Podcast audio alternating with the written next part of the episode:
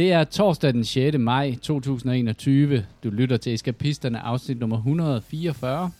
Eskapisterne er en podcast om gaming for voksne. Mit navn er Christian. Min medvært er Jimmy og Kasper. Ja!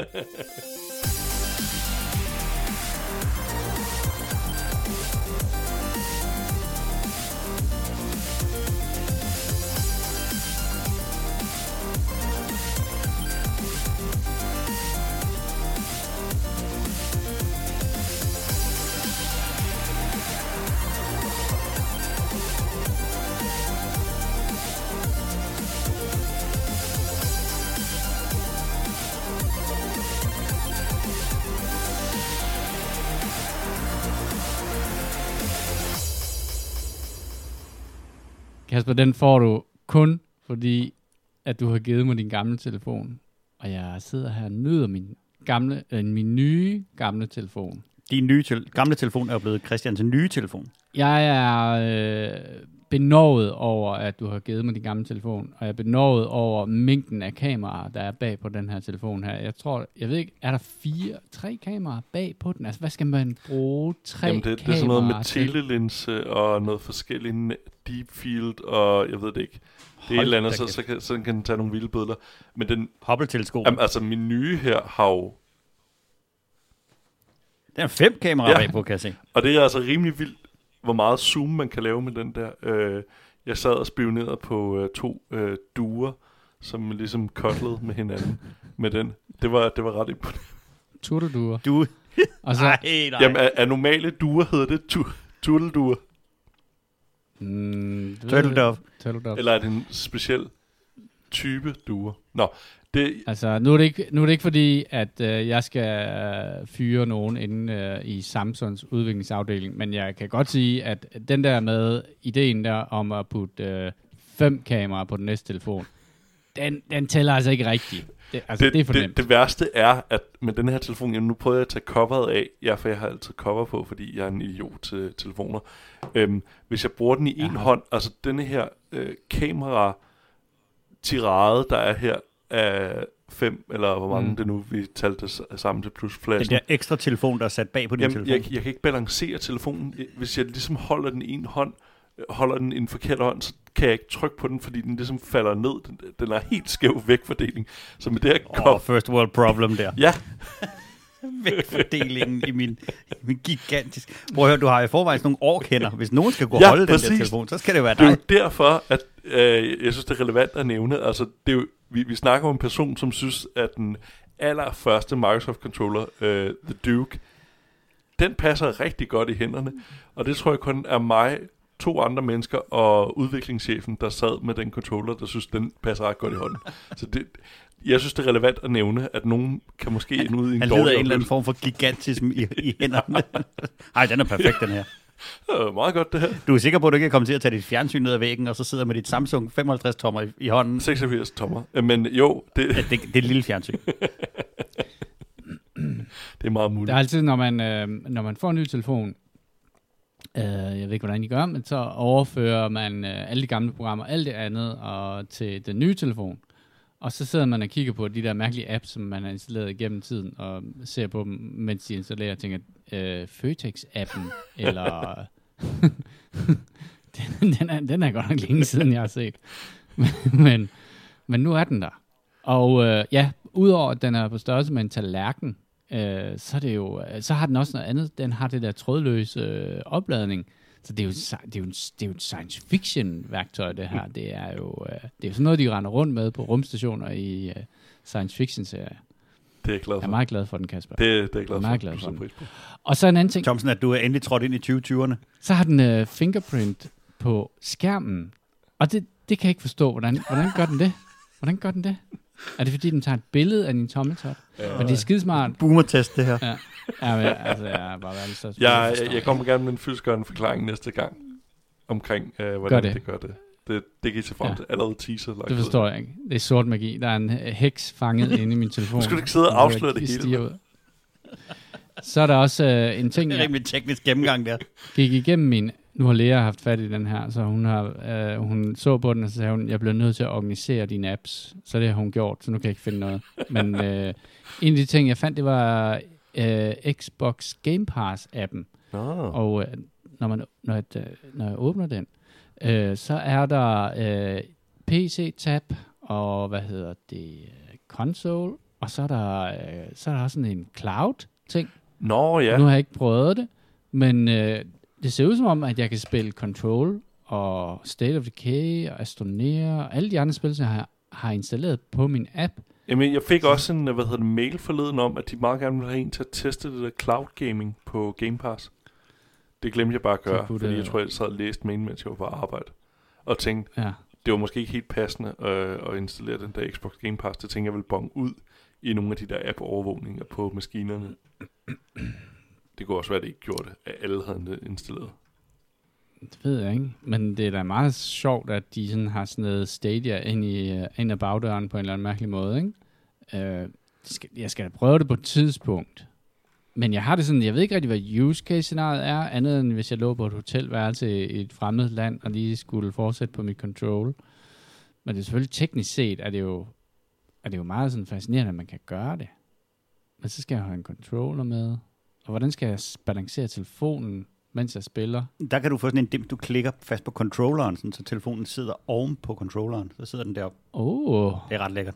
det er meget smart. Jeg Meget åbner lige smart. den der spiltab op, og nu kan jeg så se her, at der er så 384 øh, Xbox-spil, jeg kan downloade til min konsol. Nu er jeg allerede ramt af en total paralyse, hvor jeg tænker, det kan jeg ikke overskue.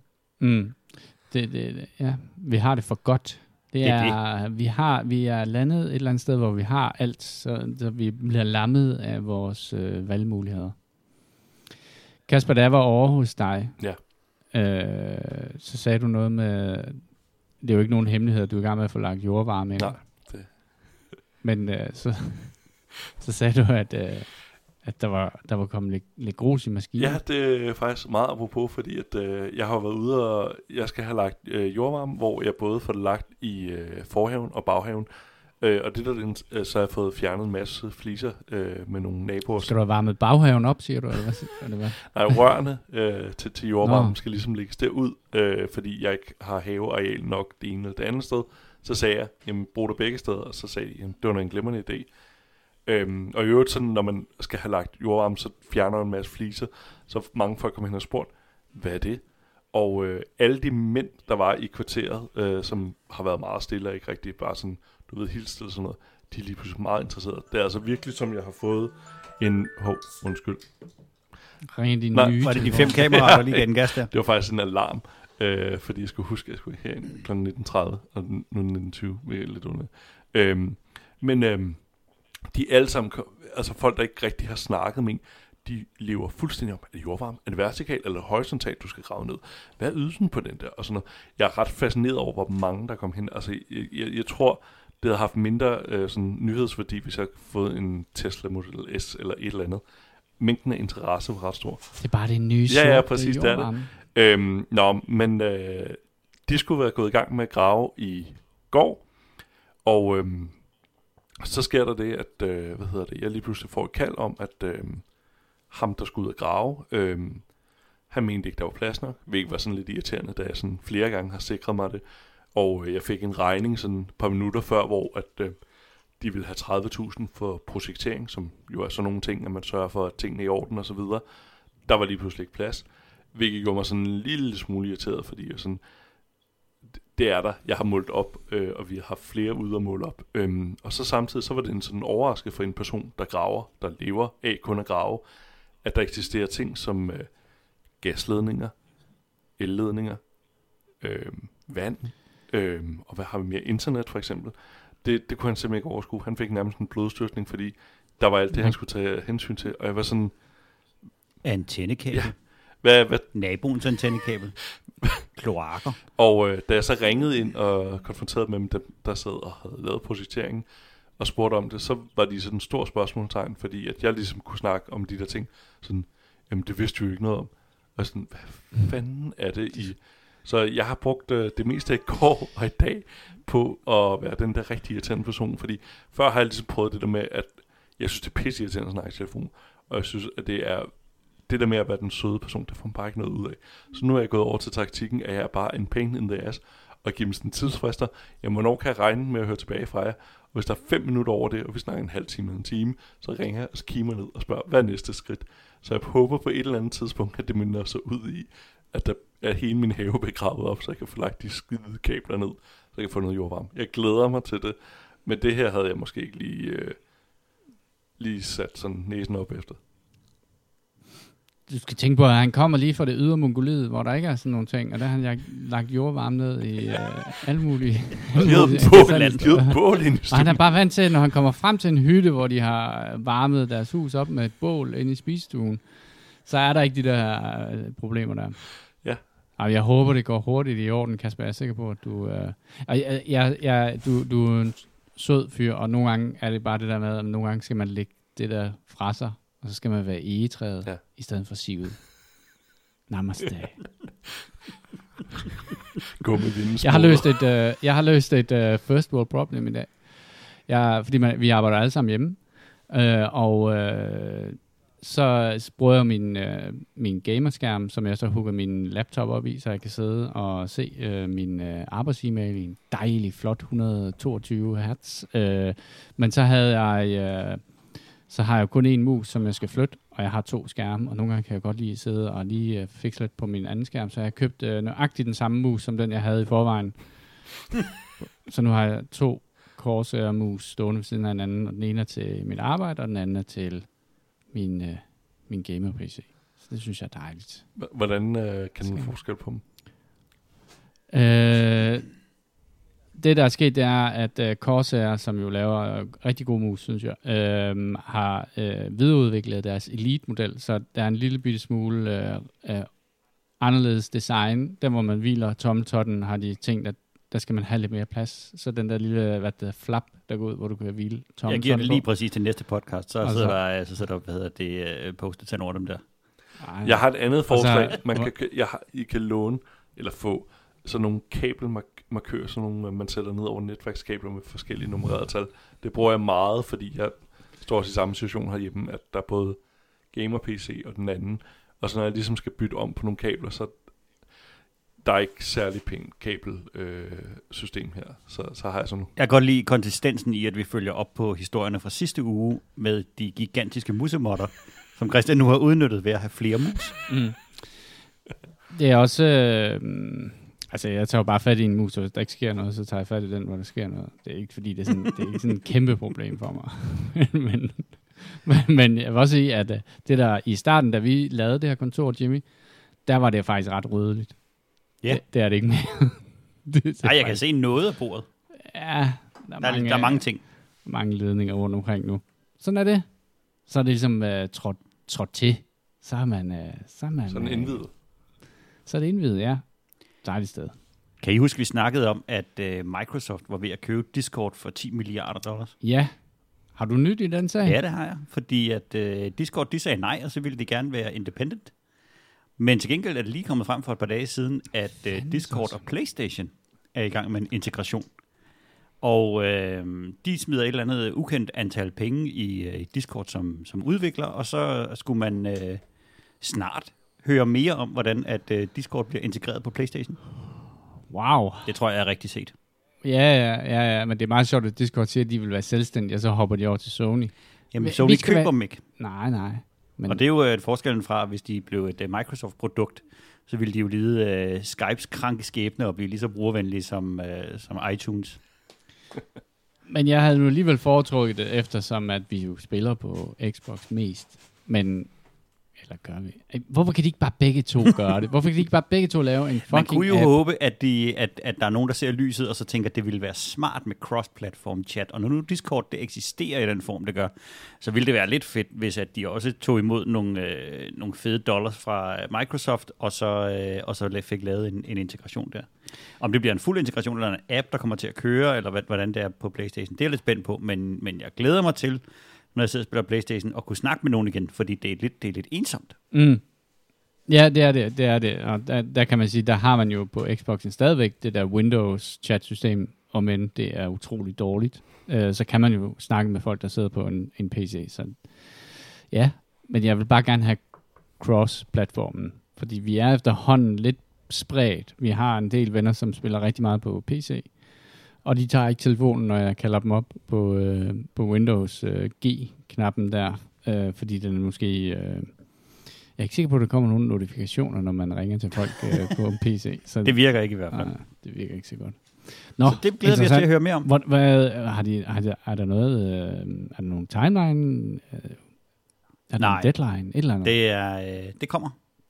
In the coming months har de skrevet, at øh, der kommer mere. Men Åh. de har også lige øh, flået, øh, hvad var det, de havde? 140 millioner kunder, aktive kunder i december 2020. Det er, øh, det er, det er mange, det er mange kunder til, til Sonys, øh, til Sonys øh, Playstation. Jeg har svært ved at rigtig sådan at sætte ord på, hvad det er, Discord øh, kan. Jeg, jeg fik din øh, invitation der, Ja, Kasper. jeg vil bare lige sige. øh, øh, men det kan bare et eller andet. Det, der er bare et eller andet virkelig, virkelig solidt og øh, interessant over det. Jeg tror, det er det der med, at der også er, udover det er en chat-klient, så er det også et sted, hvor man kan gå ind på alle spil, har en uh, Discord-kanal, hvor man kan sidde og læse uh, lidt om, om udviklingen af spillet og, og snakke med andre, som, som spiller spillet, og man kan også finde folk, der, der måske søger nogen at spille med ind, ind i det der spil der. Så der er et eller andet, og det, og det er jo nogle, det er faktisk nogle features, som jeg overhovedet ikke bruger. Jeg bruger det jo bare til at snakke med jer. Så i virkeligheden burde det være fuldstændig ligegyldigt. Men jeg kan godt lide Discord. Jeg kan bare godt lide det.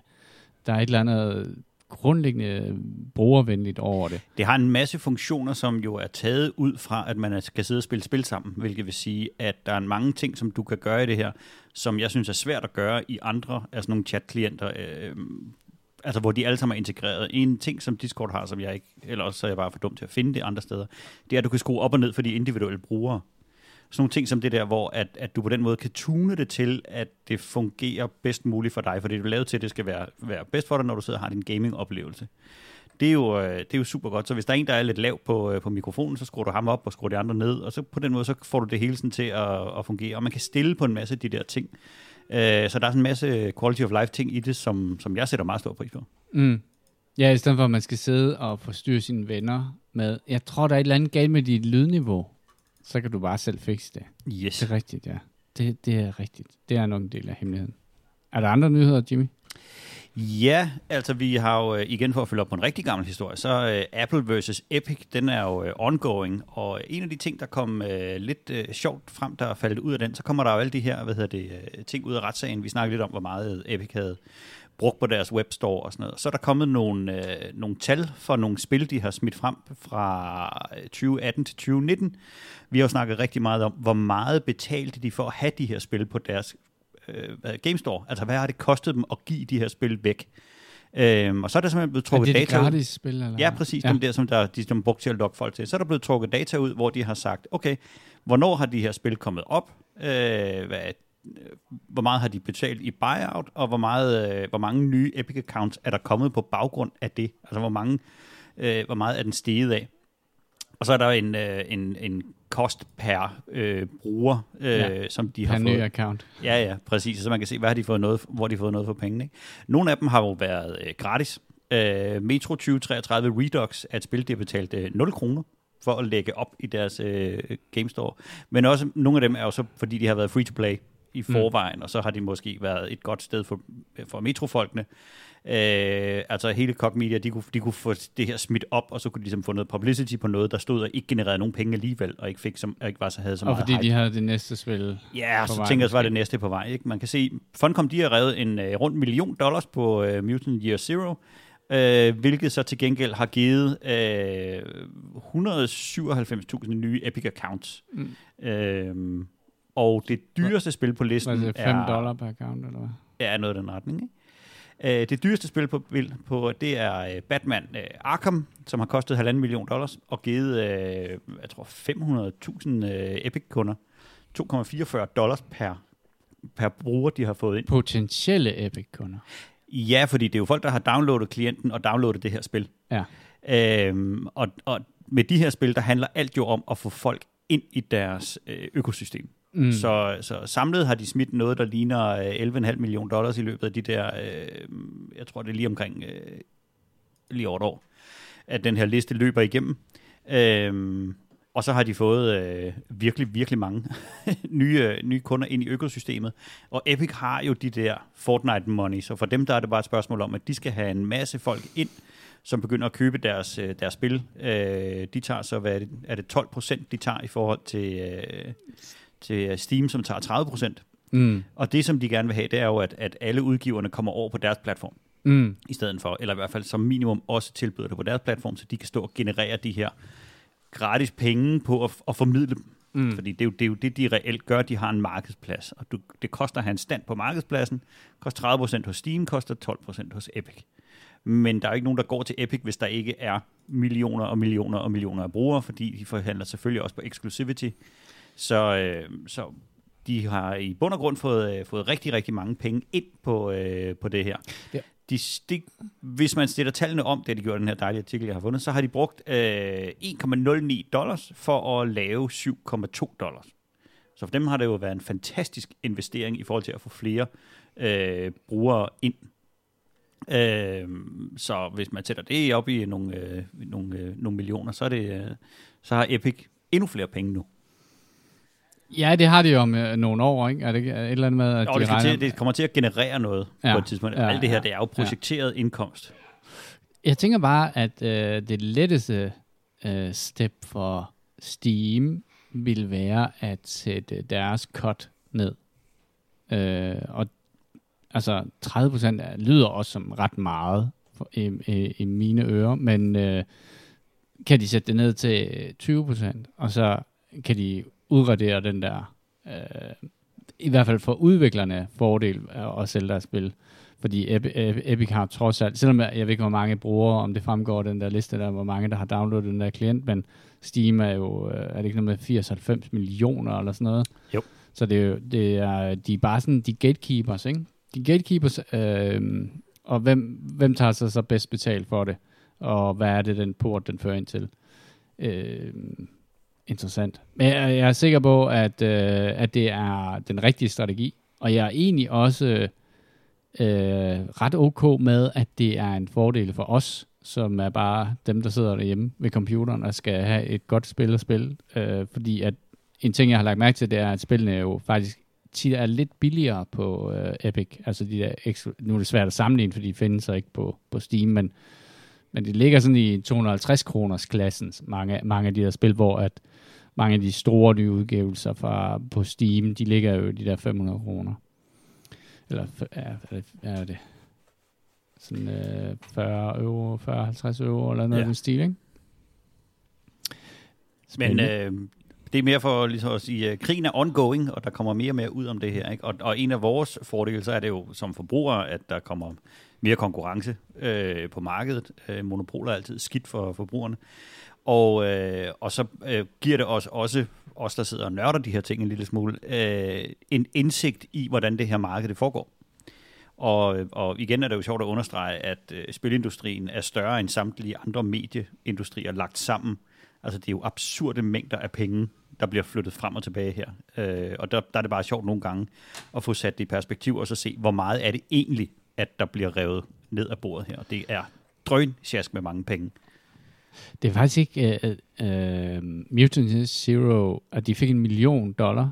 Det er faktisk ikke så mange penge. Altså, det lyder egentlig ikke for mig som værende sindssygt mange penge.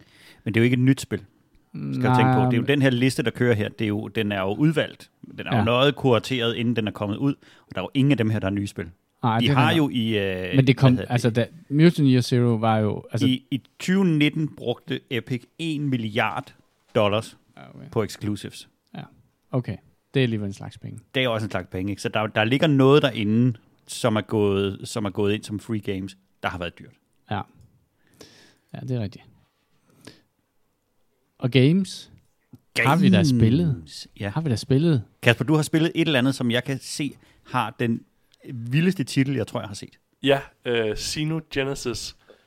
Yes. Øhm, Jeg vil, jeg vil se den film, ja, præcis. baseret på titlen. Det var, det var faktisk også derfor, jeg downloadede den. Der, der må indrømme, der, der var sådan ord, ord, der tiltalte mig, der gjorde, at jeg blev nødt til at, at downloade den.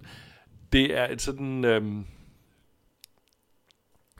90'er, 80'er arcade, altså man har stået og spillet på arcade-agtige spil, hvor øh, grafikken er, er på den måde, og, man, man føler, at øh, de, de prøver at få, få penge ud af en, fordi man dør hele tiden.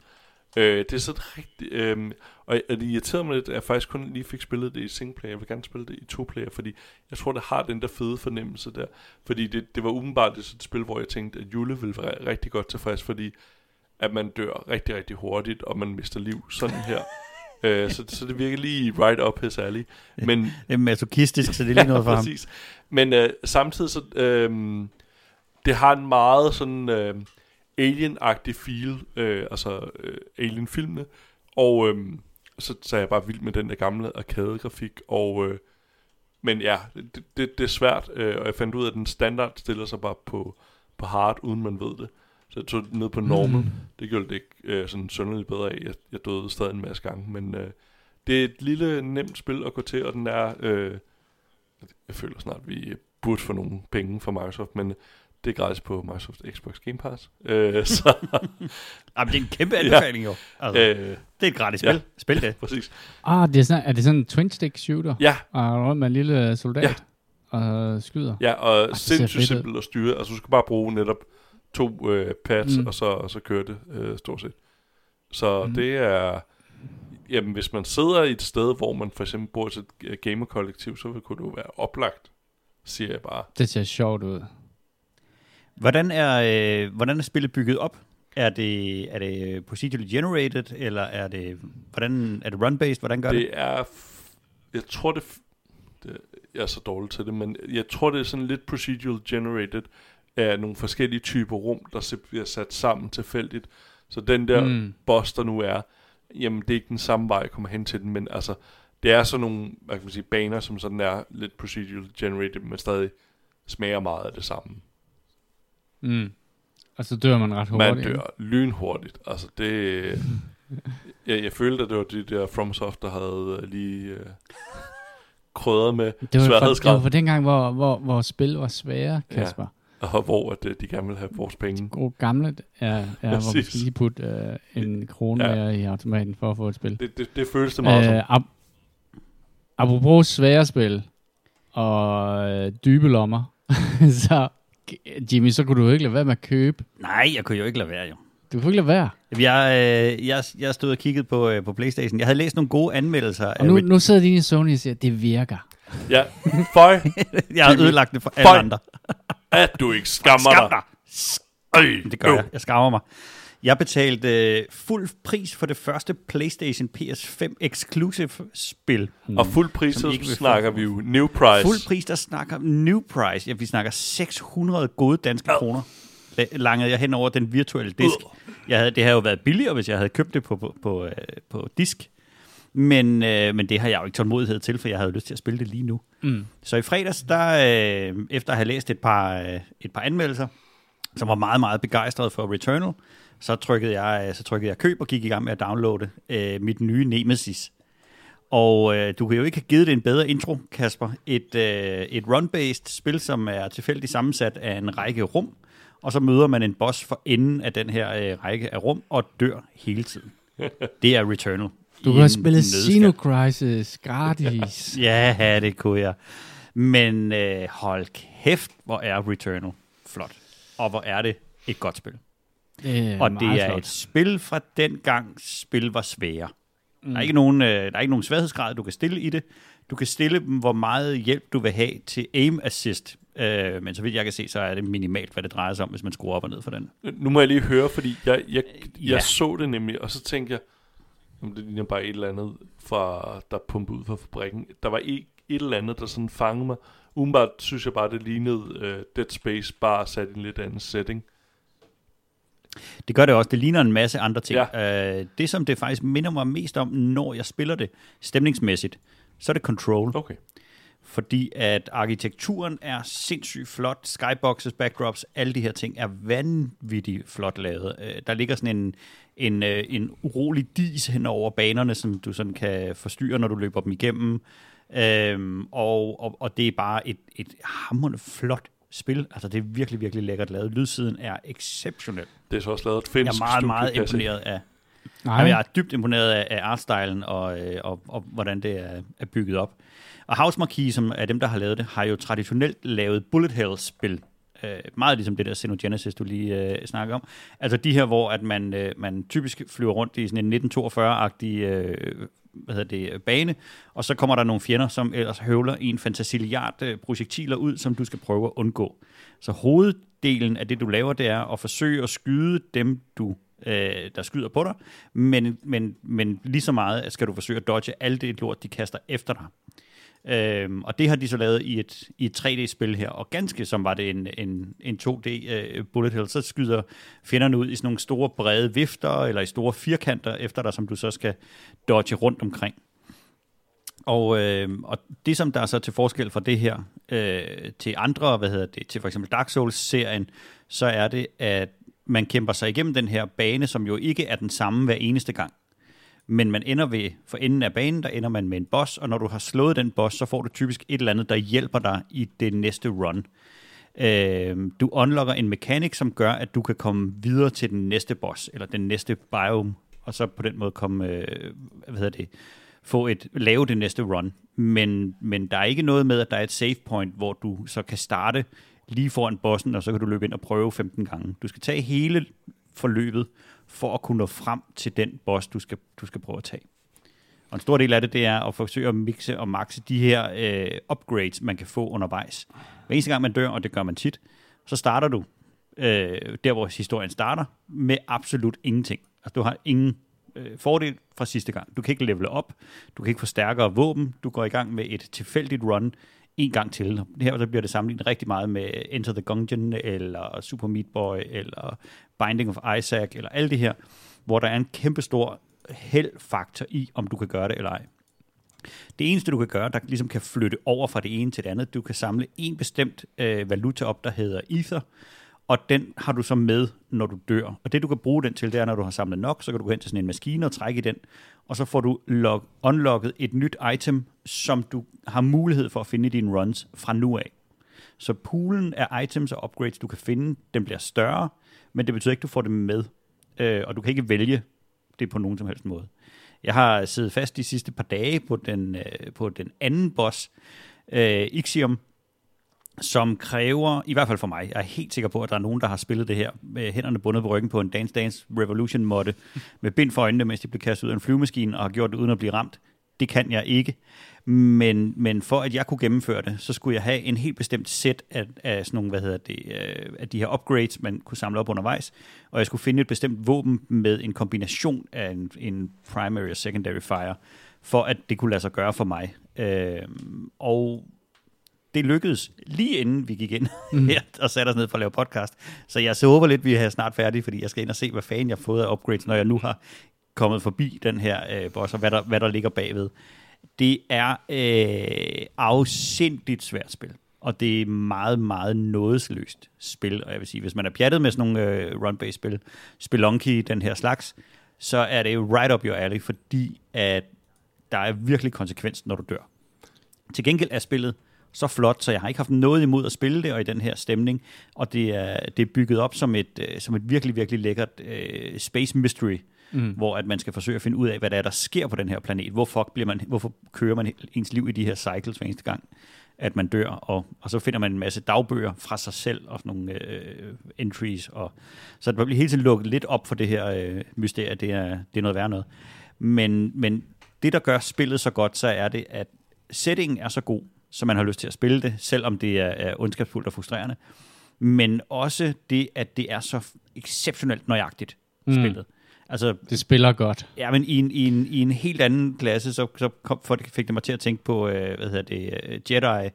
Øh, ah ja, fall, Falling Over. Ja. ja. Øh, hvor at jeg synes, at, at, hvad hedder det, øh, at, at Camp Mechanics bare sejlede rundt, og, og man sådan hele tiden var lidt skævt på, og lidt untimet. Altså alt det, det her er så knivskarpt, så, så, så det er aldrig spillets skyld, når du, når du fejler. Altså så er det dig, der har lavet en fejl, fordi havde du rykket en, en tusinddel millimeter hurtigere til, øh, til højre der, så havde du undgået det der projektil, der slog dig ihjel, eller havde du, havde du dobbelttabet hurtigt nok, jamen, så havde du sprunget den der distance, fordi du ved, du kan springe den der distance. Det er bare dig selv, der fejler hver eneste gang. Og det er aldrig, fordi spillet ikke giver dig mulighed for det. Altså fordi det er slatten eller, eller lidt mm. sløret eller et eller andet. Det er så knivskarpt i det her. Så også når man, når man begynder at spille det, Så, øh, så i starten der spillede jeg det jo som, en, som det her Space Mystery, og, og efterhånden så kommer man frem til, jamen det er jo i virkeligheden bare et bullet hell-spil. Alle de forskellige øh, projektiler, der kommer imod dig, er color-coded. Nogle af dem kan du dodge igennem, nogle af dem kan du ikke dodge igennem. Hvis de er målsøgende, så har de en bestemt farve. Hvis de bevæger sig øh, langsomt i den samme retning, så har de en bestemt farve. Mm. Så man lærer at læse alle de her øh, forskellige ting. Og, øh, og heldigvis så var der nogen, der har fundet en øh, snedig mekanik i spillet, som er, at det rumskib, man starter med at være crashet i, der er der en seng, hvor man kan gå ind og lægge sig ned i. Og hvis man går ind og lægger sig ned i den seng, så får man en meget, meget kort drømmesekvens, bare sådan lige glemt af et eller andet, der sådan fortæller lidt af historien. Og så bliver man healet en smule. Hvilket vil sige, at kombineret med sådan et teleportsystem, der er i spillet, så kan man gøre det, at man kun går efter at bruge alle sine health, alt det health, man finder i spillet. Øh, hvis man samler health op, når du har fuld health, så opgraderer dit, din health, så bliver din health bare en lille smule større. Så kan man kan gøre det, at man løber en bane igennem, spænder tilbage til sit rumskib, healer sig op, og så går ind og samler alle de der upgrades op. Og på den måde, så kan man få en relativt stor health bar, i, øh, i hvert fald i første bane, og det kan give dig så en fordel ind i den næste bane. Og lidt som man siger med Dark Souls-spillene, hvis der er en mekanik i spillet, så skal den bruges. Fordi spillet bruger alle mechanics mod dig. Og selv de første to gange, hvor jeg løb hele runnet igennem den her gang, der havde jeg ikke en chance mod den der øh, den anden øh, boss. Det lykkedes mig så her nu, øh, lige inden vi satte os ind, som sagt. Og øh, god damn, det føles godt. Mm. Altså, god damn. Men det har- er, det er lækkert. Er det gameplay mere, end det er, hvad kan man sige, et eller andet historieagtigt spil? Fordi jeg, jeg, når jeg ser sådan nogle ting, så håber jeg jo lidt, at det er et Mass Effect-agtigt spil. Men for mig lignede det bare, at det nærmest mere var... Altså, er det et spil, som reelt set godt kunne være en 2D bullet hell-spil, som bare... Undskyld, det, det, det, lyder, det lyder lidt Ja, negativt. ja, nej, men jeg kan sagtens forstå, hvad du mener. Og ja, det kunne det godt. Det kunne bare have været Okay. et bullet hell-spil.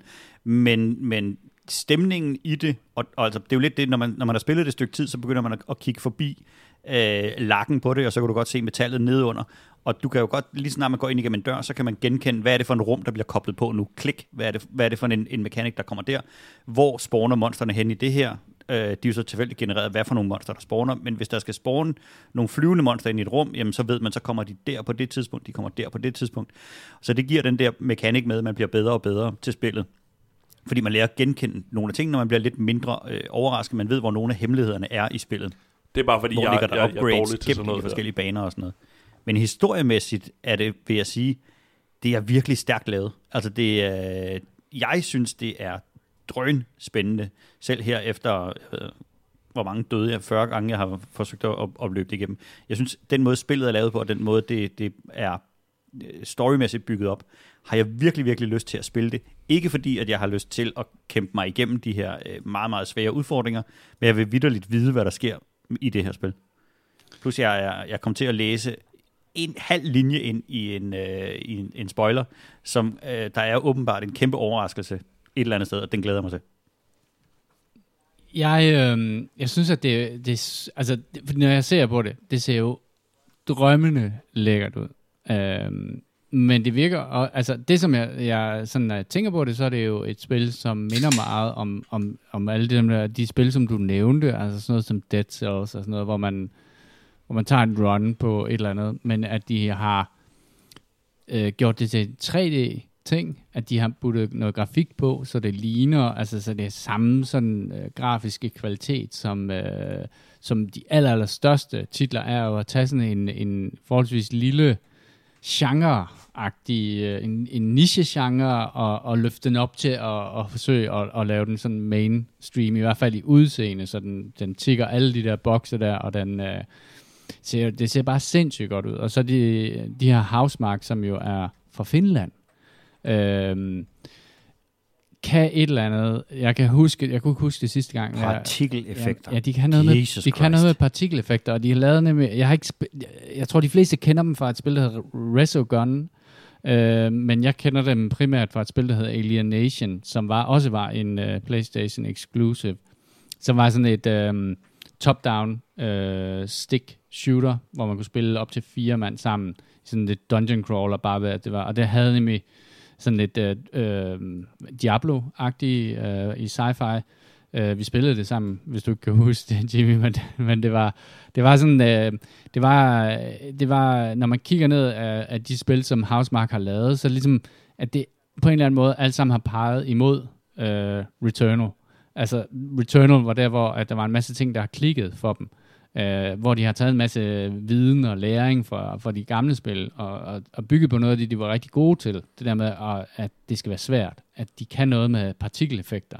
Øh, at det er run-based og sådan nogle ting. Og så har de lavet det her spil her. Og det er sjovt nok et spil, som, som deler vandene lidt sådan kritisk. Øh, og, og jeg har det sådan, at øh, når, når øh, spil øh, deler vandene, øh, så, så er de øh, tit værd at kigge på. Øh, og, og det kan jo være fordi, at, øh, at, at de meget skarpt sådan, øh, appellerer til en type af spiller, øh, i forhold til nogle andre, som, som bouncer på det. Og så tror jeg også, at de her spil, som har det der med, at de er meget svære, ligesom, ligesom det her, øh, gør, at rigtig mange mennesker måske spiller en time af det, og så fælder de dommen på den der time der. Øh, og lidt ligesom Bloodborne og Demon's Souls, og alle den der slags spil, så er det sådan en slow burn i virkeligheden, fordi at værdien af spillet kommer med, at man bliver bedre til det, og man begynder at kunne se nogle lag i det, som man ikke kan se, når man bare har spillet det en time at der skal investeres i det. Jamen det er helt klart, fordi det her spil, der kan du ikke, i modsætning til Dark Souls i øvrigt, øh, og, og, og Bloodborne, du kan ikke overlevele dig, og du kan ikke, øh, du kan ikke gå ind og så grinde noget, øh, noget XP, og så sige, okay, nu sætter jeg mig ned, og så får jeg 40 i strength, og så kan jeg bære det her våben, og så har jeg bedre chancer i, øh, i det der. Det eneste, du kan blive bedre til i det her spil, det er, at du kan lære spillet at kende, og du kan mekanisk muscle memory-agtigt blive bedre til spillet. Mm. Det, det er den måde, du kan forbedre dig på. Du kan lære, hvordan øh, banerne er bygget op, og så kan du, øh, og så kan du simpelthen blive skrabere med tommelfingrene. Nu sagde du, at nu, uh, nu, uh, nu, nu kunne du godt, uh, du, må, du må se, hvad det her new, new price uh, leverer. Yes. Uh, synes du, at, uh, at du har fået, fået noget for pengene? Det synes jeg, jeg har, men det er også et spil, som rammer lige ned i, hvad jeg godt kan lide. Mm. Altså, enten det her, det skulle være det her, eller også skulle det være et kæmpe grindspil, jeg kunne sidde med. Men, men det her, det har fanget mig virkelig, virkelig meget, og jeg, kan, jeg synes, det er en, det, det er et rigtig flot spil til den første PlayStation uh, PS5 Exclusive, fordi at det, skal jo, det skal jo være vanvittigt. Altså, det skal jo være noget, hvor man tænker, at det kunne simpelthen ikke køre på andre øh, konsoller. Det måtte ikke være et eller andet, som havde en port til, til PS4, eller, eller sådan have, have den der. Man skal have fornemmelsen af, at nu bliver man blæst bagover. Og lyssætningen og, og stemningen i det her spil, det kan virkelig, virkelig noget. Men jeg synes, det er, øh, jeg er meget glad for, at, at Sony har lavet den her satsning, fordi med deres første exclusive spil, sætter de jo også, vi har snakket om det her med pris og alt muligt andet, men de sætter jo også et niveau for, hvad det er for en slags spil, man spiller øh, på det her. Og der er jo en grund til, at det ikke er Gran Turismo, eller, altså der er jo en, en, en lang række spil, som er exclusive til, til Playstation, men det er ikke et af dem, de har smidt ind. Det er en, det er en satsning, og det er det helt sikkert. Øh, netop fordi, som du siger, nogen vil elske det, og nogen vil have det, og jeg tror, der er væsentligt færre, der elsker det spil, end der er folk, der hader det. For det er utilgiveligt svært. Mm. Øh, og, og, og det er kæmpe frustrerende at spille. Og det synes jeg er ret modigt, at de vælger det som deres første spil. Så er de jo også, når det er Sony, så tænker man jo på controlleren og alle de ting, som controlleren kan. Uh, er det noget, de har puttet noget, uh, er du noget energi i? Det er helt vildt, så meget energi, de har puttet i det. Bare det, hvordan man, uh, man skyder med sit uh, våben, er anderledes, end hvordan at det traditionelt er. Fordi de her, uh, hvad hedder det, uh, adaptive, adaptive triggers uh, gør, at hvis du trykker halvt ned, når du aimer, så skyder du almindeligt øh, med din, med din øh, hvad hedder det, øh, elpad, Og hvis du trykker hele vejen ned, så, hvad hedder det, øh, så skyder du med din alt-fire. Og der er sådan et meget tydeligt bump i den der. Øh, og det er jo noget, som de hele tiden programmerer i forhold til, hvordan, øh, hvad for et våben du har i hånden, så er, er, er triggerne øh, anderledes. Øh, der er nogle fantastiske vejreffekter i spillet, og øh, når du løber igennem regn, så, øh, så knitrer det, og, øh, og din controller føles som om det drypper på den. Når der bliver eksplosioner, ryster den. Altså, de har virkelig, virkelig fået den her, øh, hvad hedder det, øh, controller op at køre. Alle reload sounds og en masse øh, af de her jumpscares, der er i spillet, kommer ud af controlleren. Så selvom man har skruet meget langt ned for sit fjernsyn, fordi man ikke gider have den der øh, bøh-oplevelse, så råber, det, så, øh, så råber controlleren der i stedet for. Mm. Øh, de, har, de er gået virkelig langt med den, og, og det er også det, der gør, at den mekanik, der gør, hvordan du spiller spillet, det kan du ikke lave på PS4'en, fordi den har ikke den controller til det. Ja. Det lyder på alle måder Eller på forfærdeligt. Der vil mangle et ben, og der, der vil mangle et ben, simpelthen. Ja. Det lyder på alle måder forfærdeligt. Dyrt spil. Og du vil elske det. ting, jeg ikke kan lide. Ah, Dyrt spil, jumpscares, så slås, så slås med din controller, Kasper, det er lige noget for dig. Fedt. Det er sjovt, øh, fordi... Øh, er vi færdige med at snakke om uh, Returnal, eller? Du- du- ah, vi- jeg vi kan tager det op næste gang, snakke fordi at, øh, Jamen, vi- jeg skal, næste gang skal jeg fortælle, hvad der er sket. Ja, anden boss.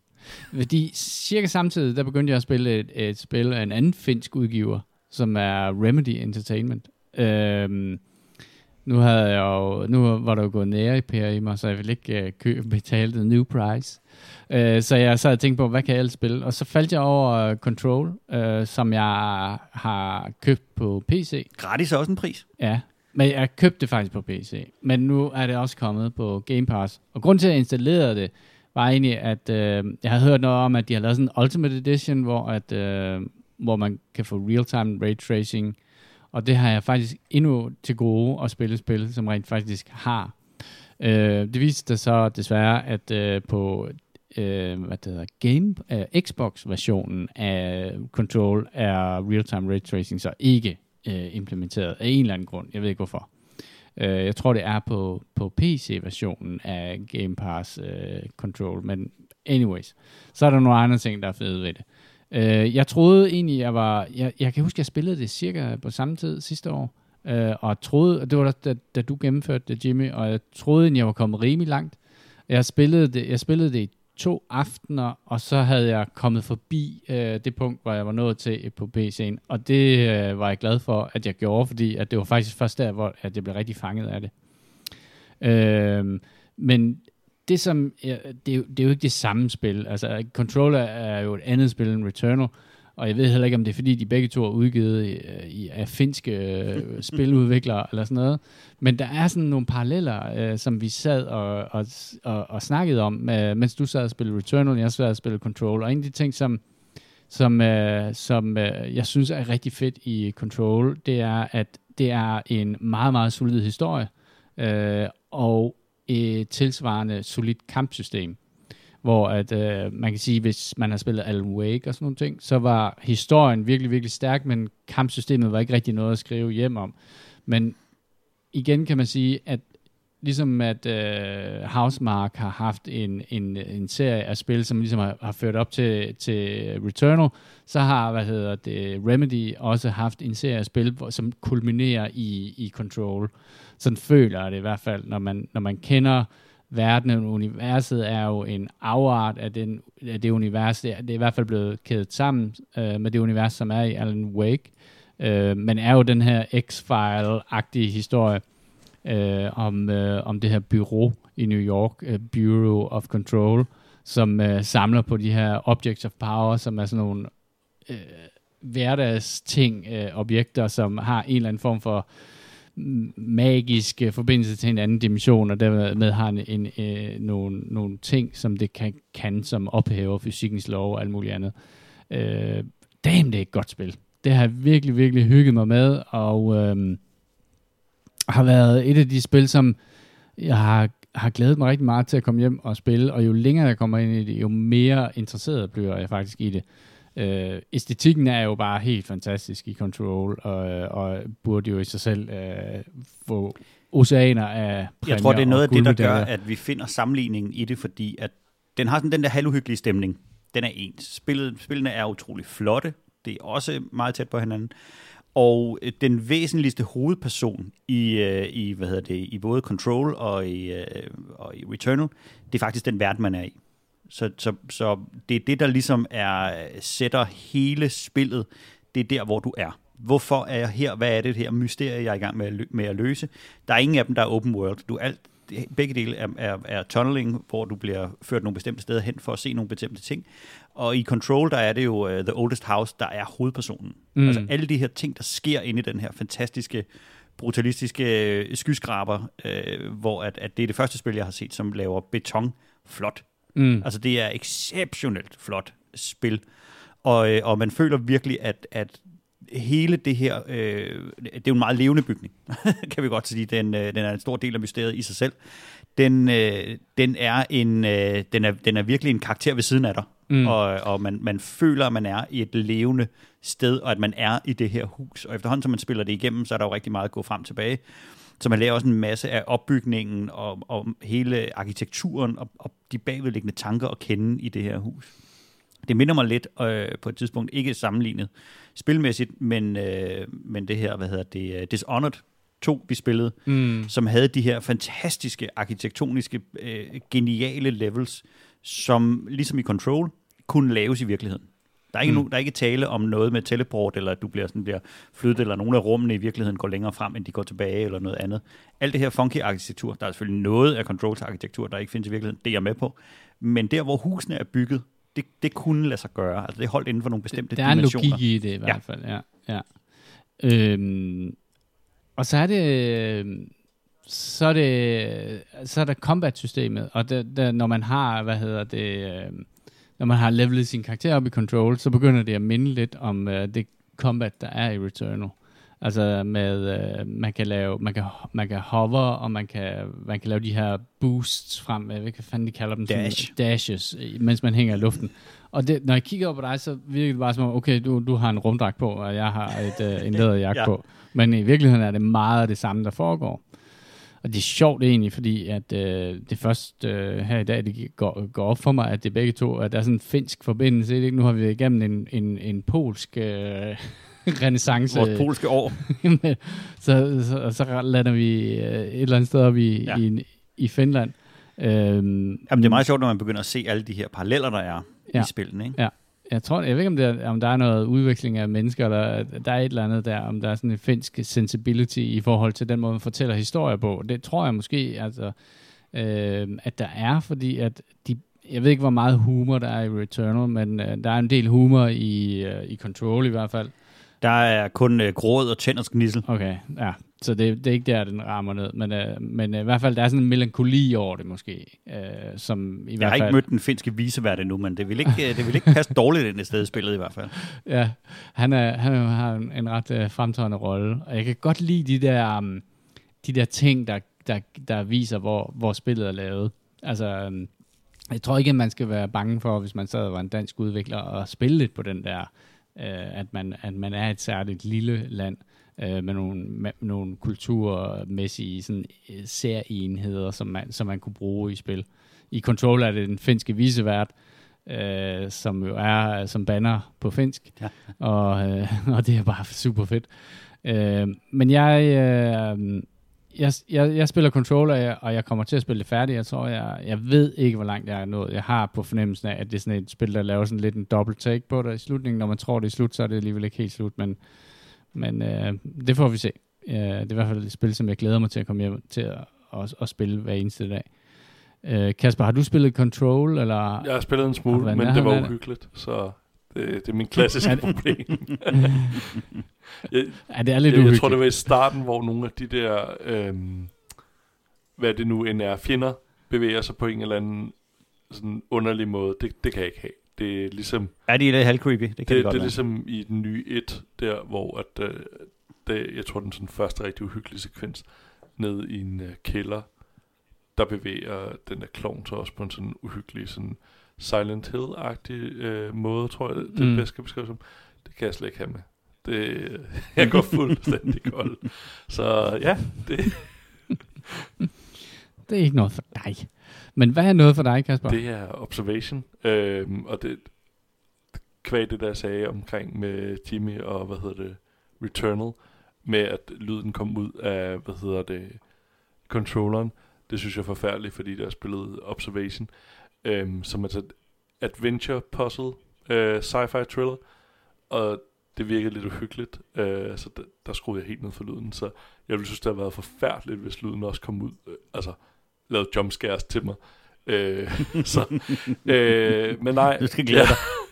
Øh, hvad hedder det? Du, i, I spillet Observation, øh, der er man på en rumstation, og øh, man øh, indtager rollen som en øh, kunstig intelligens, som er blevet ramt lidt af noget solstorm, og ikke har det skide godt, og der er sket et eller andet på den der rumstation. Der er en overlevende, som så booter dig op, og så sender forskellige kommandoer til dig, som du så ligesom skal reagere på, og så kan man sige, så er man tilbage i en puzzle-ting, hvor at, jeg tror bedst, det kan beskrives som noget eller i Cyberpunk, hvor du skifter rundt mellem de forskellige kameraer, og ser, okay, kan jeg hacke den her device, og så videre. Og så forløber historien ellers. Den, den har lidt, øhm, ja, det er en thriller, så der er sådan noget mysterie i det. Øh, jeg, kan, jeg kan ligesom ikke sige for meget om selve historien, fordi så begynder man at afsløre for meget. Øh, jeg synes, det er et ret hyggeligt spil. Øh, jeg tror, jeg måske lige skal sådan...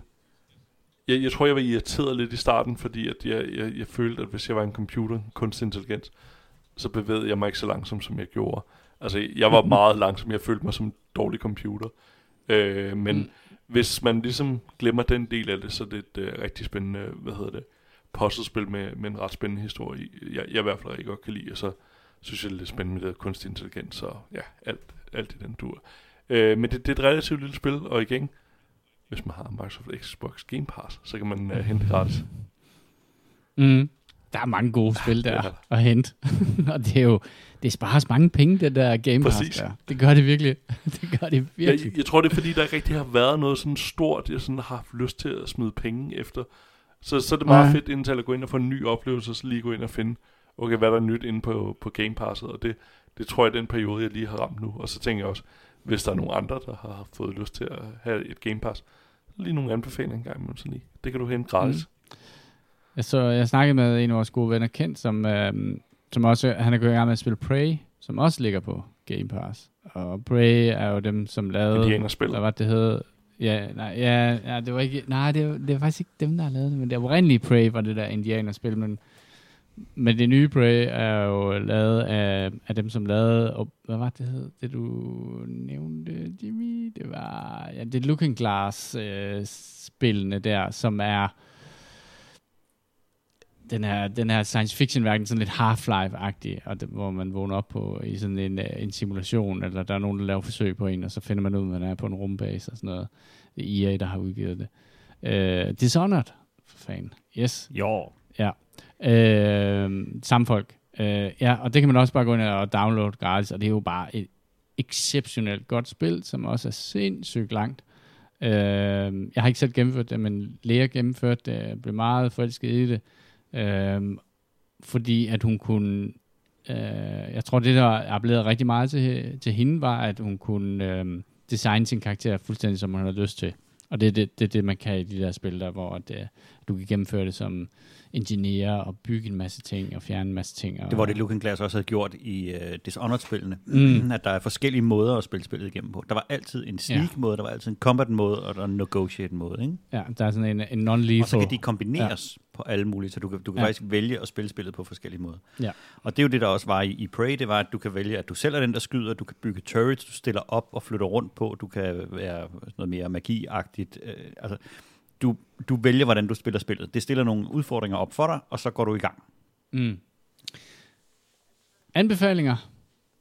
Har vi noget? Ja.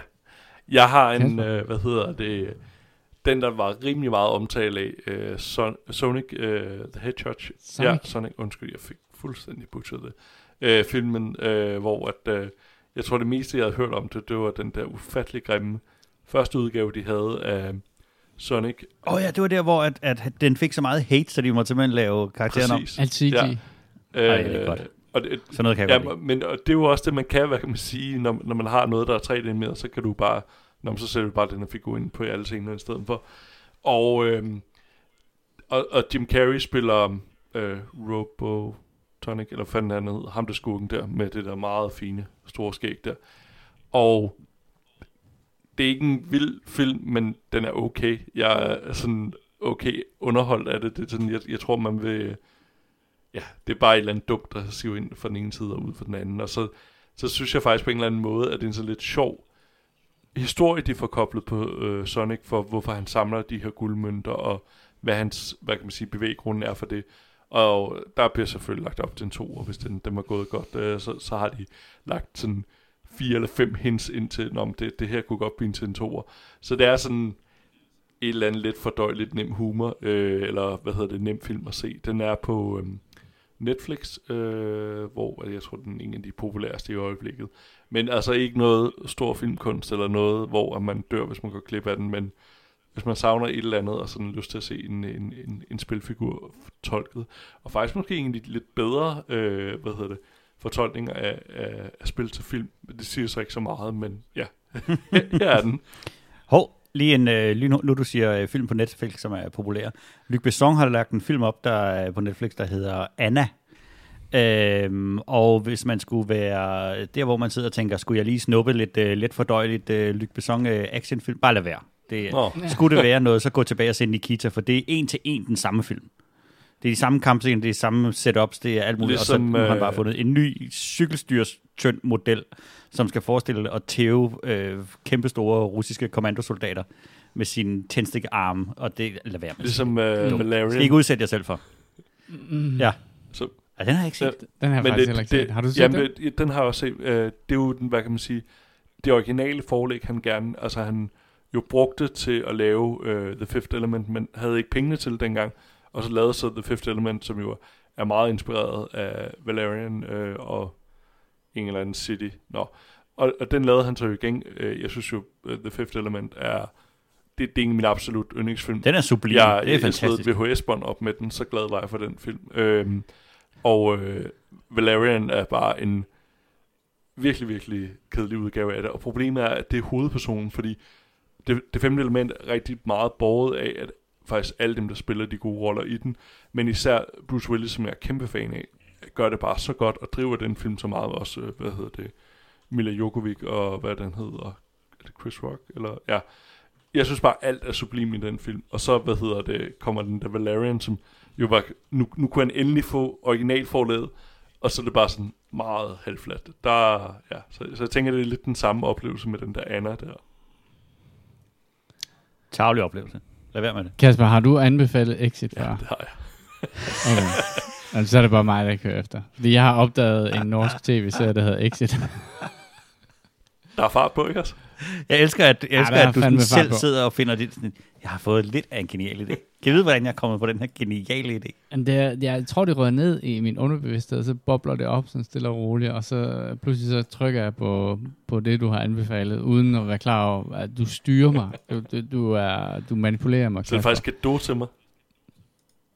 Det, Meget. Ja, men det er det. det, er det. Øhm, ja, men øhm, til dem, der ikke har gjort det sidst, da du anbefalede det, Kasper, så vil jeg bare anbefale øh, Exit, hvis man har lyst til at se noget virkelig, virkelig depraveret øh, tv. Øhm, de, de her um, milliardærer fra Norge, øh, og serien er bygget på de her øh, interviews med øh, nogle norske milliardærer, Øh, så jeg ved ikke, hvor meget sandhed der er i det. der. Det er nok, øh, altså, hvis, hvis, hvis der er sandhed i, Inspired i, bare by i real 50 procent af det, der foregår i, i den serie, så, så, så er der nogen, der har det for vildt deroppe. Altså, jeg har Ja. øh, jo arbejdet i en øh, større pan-skandinavisk bank, øh, som, hvor jeg nogle gange har været på traderflowet. Altså, nogle af de der typer, hvor jeg tænker, jeg, jeg, jeg tror ikke på, at så mange af tingene er opdigtet i, i den serie. Lad mig sige det sådan. Altså, den måde, de kommunikerede, hvad de fortalte om, så tror jeg ikke, at... Altså, det handler om nogle norske børsmalere i Exit. Øhm, jeg føler ikke måske, at det er så meget fiktion. Altså selvfølgelig er der nogle ting at få historie til at hænge sammen. Men nogle af de der fucked up ting, der sker, der tænker jeg sådan, ja, yeah, det er meget muligt. Hvis man har nok penge, og så, så, er folk Ja. villige til at gøre ret Altså, meget. Christian, du betragtede den som øh, at se kloven, hvor alle er Kasper Christensen. Ja, det er, altså, det er sådan, jeg oplever det. Altså, det er sådan, det, det, det er sådan, altså, kloven er afbalanceret af, at der også er, hvad hedder Det. det? Frank Vam med, der, Frank er, der er lidt klasse, ikke? som har, nej, jeg ved ikke, om han er klasse, men han er i hvert fald sådan lidt mere nede på jorden. Men, men sådan nogle, øh, en, en stribe af sådan nogle øh, Kasper Christensens figurer, som, hvor der ikke er nogen, der sætter spørgsmålstegn ved, om man er ved at gå for langt her, er cirka den bedste beskrivelse af Exit, og det er, har ændret mit øh, syn på det norske sprog. Øh, men den er, den er fremragende. Altså, den er fremragende, og du er nødt til at pausen og gå rundt og komme tilbage til den, fordi at udover at den har elementer af grotesk humor, øh, så er den også virkelig, virkelig uhyggelig. Øh, fordi at øh, de her mennesker, de, altså, hvis de findes, så er de jo, øh, så er det jo virkelig, De virkelig en lille øh, smule både empati. sørgeligt og farligt. ja, de er patetiske. ja, det er de jo. Det, er sådan nogle, øh, det handler om sådan nogle, det er jo babyer, der har fået penge. Altså, det, der, der, der er ikke noget... Øh, Altså, der er ikke, der er ikke noget... Øh, altså, man, man, man dyrker en, en grad af, hvad skal man sige, øh, af ikke at, at kunne udsætte sine behov. Øh, og, og, og, og, og derimod synes at det er helt okay ikke at skulle udsætte sine behov. Det er faktisk resten af verden, der har problemer med, øh, med sig selv, når de udsætter behov. Øh, er, det er vanvittigt. Og kæft, hvor er det godt lavet. Øh, sindssygt øh, flot produktion. Altså sådan meget, meget øh, dyr øh, serie. Så den kan, altså, jeg er nået øh, næsten første sæsoner, der er kommet en sæson med, jeg ved ikke, øh, hvordan at øh, de der mennesker kan overleve så længe øh, med den mængde af, af kokain og whisky, de, de indtager. Men, men øh, åbenbart så, så er det en særlig støbning af mennesker, som, som lever i de luftlag. Shit, mand, de, øh, de giver den gas. Men det, jeg vil så også sige, at nu, nu har jeg jo også norsk familie, og hvad kan man sige, har, har fuldt... altså, det, det, er meget naturligt. Det. meget nem overgang. Uh, hvad hedder det? Og jo fuldt uh, norsk film og, og serier i, i mange år efterhånden. Og altså, jeg er imponeret over, hvad de sprøjter ud af tv- og, og filmproduktioner efterhånden derop. Der, der er virkelig meget godt i det, og det, det synes jeg bare er herligt. Og så synes jeg jo, der er en, en helt særlig charme over norsk sprog, der, der, der gør på en eller anden måde, der, der gør det endnu mere bi- bizart på en eller anden måde, fordi norsk lyder så ja. empatisk, mm. øh, og man tænker, de er ikke rigtig sure, øh, og de er ikke rigtig, men de her er jo så fucked op i hovedet, øh, så det gør det i hvert fald som, som dansk ser, synes jeg, det er sådan lidt endnu mere bizart, øh, men altså, jeg synes, den er vanvittig god og velskrevet, og ja, fantastisk. Ja, den skal man, øh, den skal man øh, unde sig selv at se. Så tak for den anbefaling, På Statsradiofoniens øh, hjemmeside er den. Ja, endda, ja. endda. Så også gratis. Eller du betaler Kasper, er det dig, der har ja. en Invincible? Ja, en, øh, nu, nu kommer der store problemer, jeg har stadig ikke fundet ud af det. En eller tegnefilm. Invisible, Invisible eller Invincible? Invincible, ja. Det, Usynlig eller uovervindelig? Hvad betegner det bedst? Uovervindelig, så jeg tror, det er det. Sådan. Og det problem, jeg kan ikke rigtig sige det ord. Øhm, udtale det rigtigt. Øhm, og nu kommer et andet stort problem. En tegnefilm, men som er i serie, hvad hedder det? Fordi det hedder ikke en tegneserie. Det er jo en mm. bog, du åbner. Bare kald det en tv-serie. Tegne, tegnefilmserie. Tegnefilmserie. Okay, det kalder vi den. Men det er jo ikke en film. Og det er jo det, der er det bizarre. Nej. Det er jo en serie. Nå. Ja. ja. Okay, det, det var måske meget langt øh, forklaring af det. Men en, øh, hvad hedder det? Um, som ikke forklarede noget som helst. Sidste tegnefilmserie. Øh, om øh, en, en masse superhelte på jorden, og så er der en, en superhelt, der er kommet til fra en anden planet. Okay, det er virkelig dårligt. Øh, Nej, men der er kommet en superhelt til fra en anden planet, hvor alle bare er superhelte. Jeg skal se det, Kasper. Ja, nu, nu skal jeg se det. Jeg kan mærke, at jeg skal se det. Der. Øh, han fra Krypton? Ja, det minder lidt om på en måde en Superman-historie. Øh, Øhm, og han har så fået et barn, og det der barns evner er ikke kommet til udtryk endnu. Og så lige pludselig så finder han sine evner, og så kan han gøre alt muligt sejt. Øhm, og øh, hvad hedder det? Ham øhm, fra den anden planet, han er måske ikke så god, som man havde gået og regnet med. Han wiper lige pludselig øh, en hel masse superhelte. Øhm, og så prøver man ligesom i, i denne her serie at finde ud af, hvorfor fanden gør han det. Øh, men det, det, det er en... Øh, jeg ved ikke, om det er noget univers, noget af de der de store universer. Øh, jeg synes ikke, jeg kan genkende nogen af dem. Men øh, jeg, jeg er i hvert fald ret godt underholdt af serien, og den ligger på Amazon Prime. Øh, hele første sæson er lige kommet ud, øh, bestående af otte afsnit. Øhm, men ja, hvis man til noget superhelte og noget, der er lidt mere mørkt, den er sådan meget grafisk. Øh, når, når, når folk bliver reddet midt over, så spiller der godt ud over det hele. Så det er... Der er gips. Ja, så hvis man er til lidt uh, ultravold, så, så kan den anbefales. Fedt. Tiden er gået, venner. Det er blevet, ja, det er jo torsdag. Jeg var på arbejde i går, så vi kunne ikke uh, optage. Uh, men jeg håber, det går alligevel derude. Uh, og så vil jeg sige, uh, husk at du kan finde os på eskapisterne.dk og på iTunes. Du kan finde os på Spotify. Du kan skrive til os. Det kan du gøre på vores uh, Gmail, det er escapistpodcast at gmail.com. Vi er på Facebook, så subscribe på vores Facebook-side. Det er facebook slash escapisterne.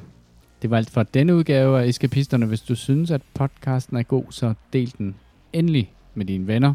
På vegne af Jimmy, Kasper og mig selv, tak fordi I lyttede med.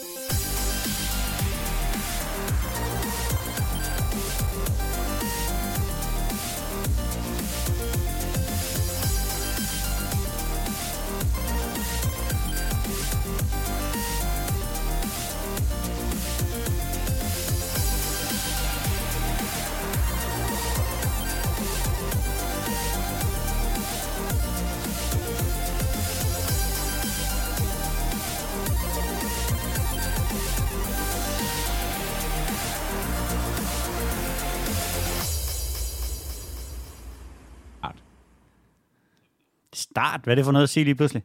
Start. Det er sagt optag, for helvede. Optag. Start. Fyr den af. Launch. Ej, ej. Du kan ikke stå med en startpistol, og så, og så i det, at løberne de skal til at sætte afsted i OL-løbet, så lyder der sådan et bothorn. Det, det, det, det, det, det er den en. pavlovske træning i knappen. Jeg nåede at sidde og tænke til start. Og så, Hvad mener du? hvad snakker du om? Det kan jeg, ikke, jeg, kan, jeg ved ikke, hvad start betyder. Jeg- ved, altså, jeg sidder og venter på, at der bliver sagt et eller andet, så Jeg jeg kan gået. trykke på knappen. Jeg er gået.